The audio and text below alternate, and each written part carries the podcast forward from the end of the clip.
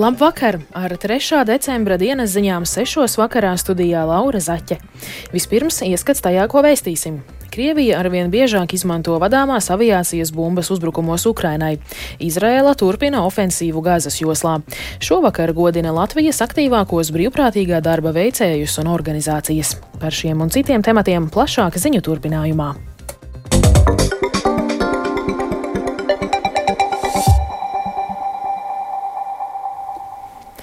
Virs Ukrainas debesīm aizvadītajā naktī notriekti 10 no 12 iebrucēju palaistajiem droniem, kas bija mērķēti uz valsts kritiskās infrastruktūras objektiem. Taču raizes Ukrainas aizstāvjiem sagādā vadāmās aviācijas bumbas, kuras Krievija izmanto arvien vairāk. Turpina Uldis Ķesberis. Pēdējās nedēļās Krievija uzbrukumos Ukrainas dienvidos masveidā izmanto vadāmās aviācijas bumbas. Ukrainas gaisa spēku runas vīrs Jurijs Ihnats šodien sacīja, ka tās galvenokārt ir nomērķētas uz Ukrainas karaspēka pozīcijām un piefrontes teritorijām. Vēl pirms aptuveni sešiem mēnešiem vadāmo bumbu uzbrukumi bijuši reti, bet tagad iebrucēji varot nomest vairākus desmitus bumbu dienā, uzsvēra Ihnats Летить не точно, ну але це 500 кілограмів бомба. Зрозуміти, що вибухівки там дуже багато. I... Vadāmās aviācijas bumbas ir neprecīzas, bet tās sver 500 kg. Tajās ir daudz sprākstvielu un tās izmanto, lai nodarītu plašus postījumus. Pēdējās diennakts laikā gar frontes līniju ir nomestas jau aptuveni 100 šādas bumbas. Tā ir reāla problēma, tāpēc mēs iedzīvotājiem nestāstām par tām tāpat vien, lai viņus iebiedētu. Tas ir vēstījums arī mūsu rietumu partneriem, ka mums ir vajadzīgi ieroči, tālas darbības rādījusa pretgaisa aizsardzības sistēmas un pēc iespējas drīzāk arī iznīcinātāji F-16, kas spētu pretoties Krievijas lidmašīnām.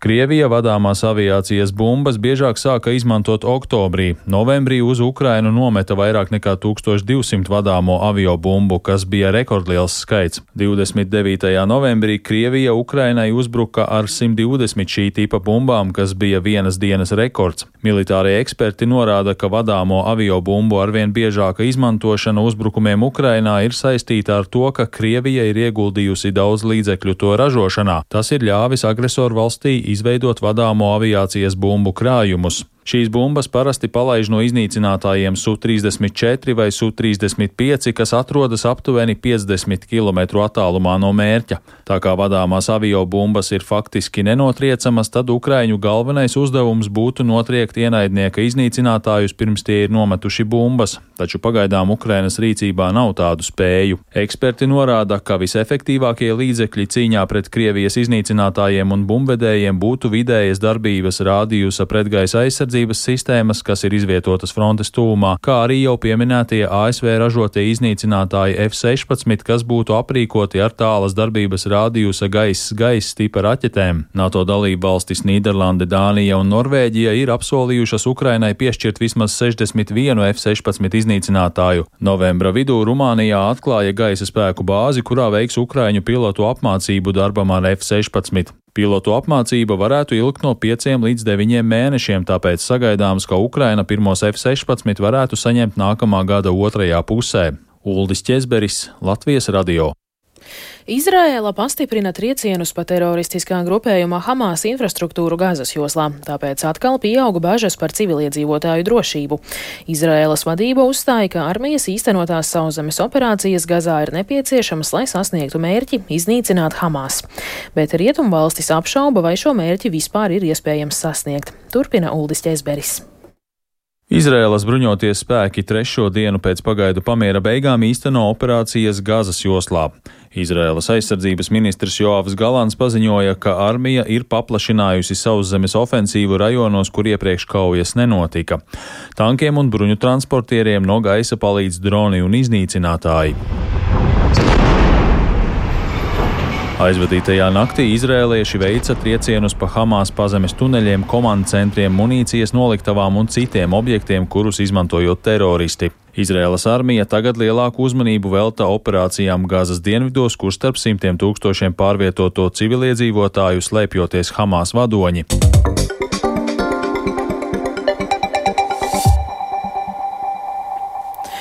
Trīs Latvijas robežu kontroles punktos gaidot iebraukšanu Krievijā vai Baltkrievijā kopumā rindās stāv vairāk nekā pusotras tūkstotis kravas auto.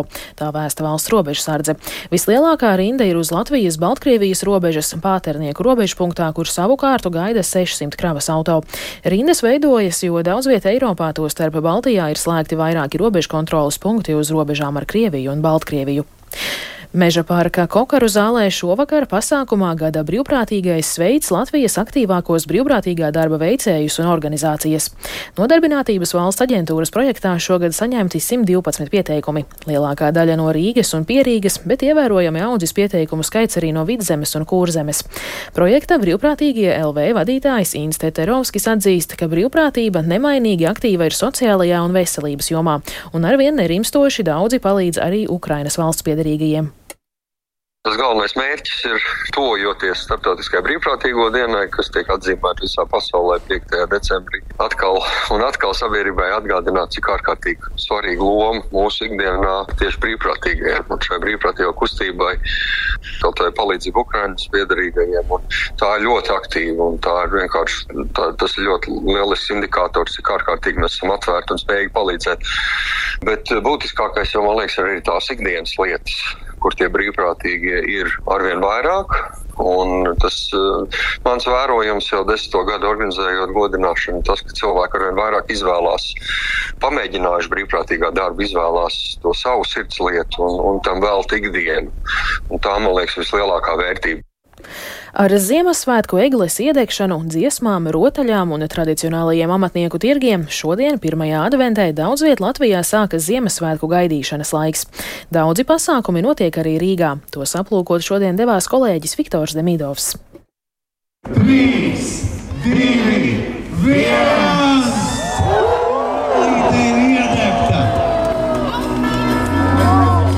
Rīgas rāslaukumā zaļos un zilos toņos ar mirdzošām gaismas lāstakām ir iedegusies 18 metrus augstā Ziemassvētku egle, kas 30 gadus augusi Siguldas novadā.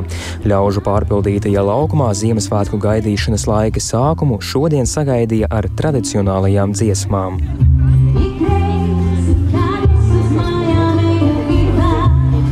Svētku egle ir iemirdzējusies arī Doma laukumā, kur atklāts tradicionālais Ziemassvētku tirgus. Tas vecrīgas sirdī notiek jau 23. reizi. Aktīva rosība šeit ir manāma jau no rīta. Kādi šogad ir interesanti, to jautāju tirgotājiem. Cilvēki ir interesēti. Cilvēki parasti kaut ko nopērk pirms svētkiem. Tas ir tas brīdis, kad mēs, kā jau arī tautas dziesmās, ir teikts, ka krāja visu gadu naudu, lai tērētu Ziemassvētkos. Nu, tas viss turpinās. Kādi ir tie pircēji? Kādas ir jūsu gaidas? Vairāk pirks mazāk? Nu, to tā mēs nemaz neprognozējam. Kā būs, tā būs labi.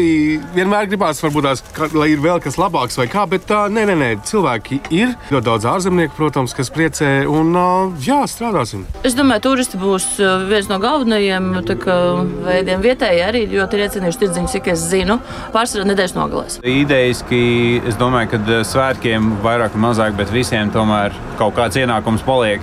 Un, eh, nu, tā šausmīgi es negribu uzreiz teikt, ka mēs kaut ko izjūtam, bet nu, to, protams, mēs redzēsim mēneša beigās. Tad varbūt tās atnāciet un paprasiet vēlreiz. Dienas laikā tirgu apmeklētāju skaits arvien pieaug. Starp lielākiem un mazākiem interesantiem dzirdamas dažādas valodas. Bērniem noteikti pirksim dāvanas, pieaugušiem pēdējos gados mēģinām paši kaut ko sagatavot. Tā pirktspēja samazinās vai tāda stabila? Es pat teiktu, ka šogad ir uh, labāk nekā pagājušo gadu. Tā kā elektrības cenas ir nu, krietni zemākas nekā pagājušo gadu, es domāju, ka paliek vieglāk. It's... Uh, nē, šogad nav labāk, ir sliktāk. Nē, nē, nē. Es domāju, ka cenas šogad ir lielākas nekā pērn. Arī mums Itālijā ir ļoti grūti plānot dzīvi. Uh, mēs nenākam pirkt, mēs nākam baudīt. Mums vajag savu vafelīti, sklanderausīti, karstvīnu, un mums ir jau ļoti labi. Un galvenais, ka cilvēki ir apmierināti, fotografējas. Tas nozīmē, ka visiem pozitīvas emocijas ir garantētas. Dāvāns pirksiet tuviniekiem? Pirksim. pirksim, bet vēl neesam izdomājuši, ko pirksim. Tas nezinu, как то разницы нет, наверное. Ziniet, starpības starp šo un pagājušo gadu laikam īsti nav. Lai gan esam pensionāri, dāvanas noteikti pirksim. Šogad vecrīgas Ziemassvētku tirgū amatniekiem par tirzniecības vietas nomu ir jāmaksā par 20% vairāk, sasniedzot vismaz 1400 eiro par mēnesi. Tā saka tirgus organizatoru pārstāve Anna Blauva, sakot, ka atbalstu sniedz pašvaldība. Mums ir interesanti. Mēs esam salīdzinoši jauna komanda, kas tagad ir eh, jau otro gadu strādājam pie tirdziņa, un kaut kā mēs arī iedvesmojoties no tā, ko mēs redzam pasaulē, mums ir tāda vīzija, uz ko mēs ejam, mēs redzam, ka vietējiem paliek daudz interesantāk. Ja agrāk nāca lielākoties turisti, tad tagad jau vietējais ar tā, nu, atnāk pabauda karstvīnu, bērnu pabrauc ar karuselīti, nu, tā mēs jūtam, ka ir ļoti daudz vairāk vietējie. Ziemassvētku tirgus kopā ar izklaides pasākumiem vecerīgā notiks līdz pareizticīgo Ziemassvētkiem, kas būs 7. janvārī. Savukārt līdz jaungada dienai amatnieku tirgus darbosies esplanādē. Līdz Ziemassvētkiem vairākās dienās muzikāli priekšnesumi un tirzniecība notiks arī vidzemes tirgū. Savukārt svētku egle šodien iedegusies arī Ogrē, Jālgavā, Saulkrastos, Valmierā un citviet Latvijā. Viktors Demidovs, Latvijas radio.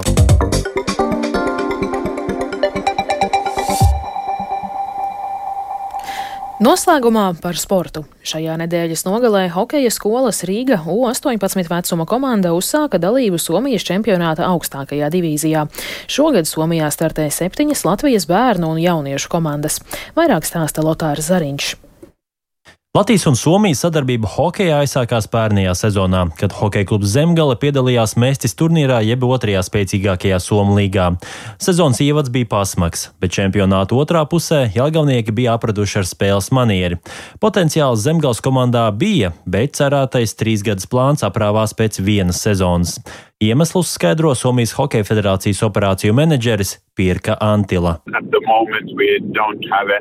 Pašlaik mums nav plānos papildināt Mestis līgu ar kādu ārzemju komandu. Tas nav saistīts ar kādām pretenzijām pret Zemgali vai Latvijas hokeju. Šobrīd notiek lielas izmaiņas Somijas hokejā, jo līga turnīrs atver durvis citām komandām kvalificēties augstākā līmeņa čempionātam.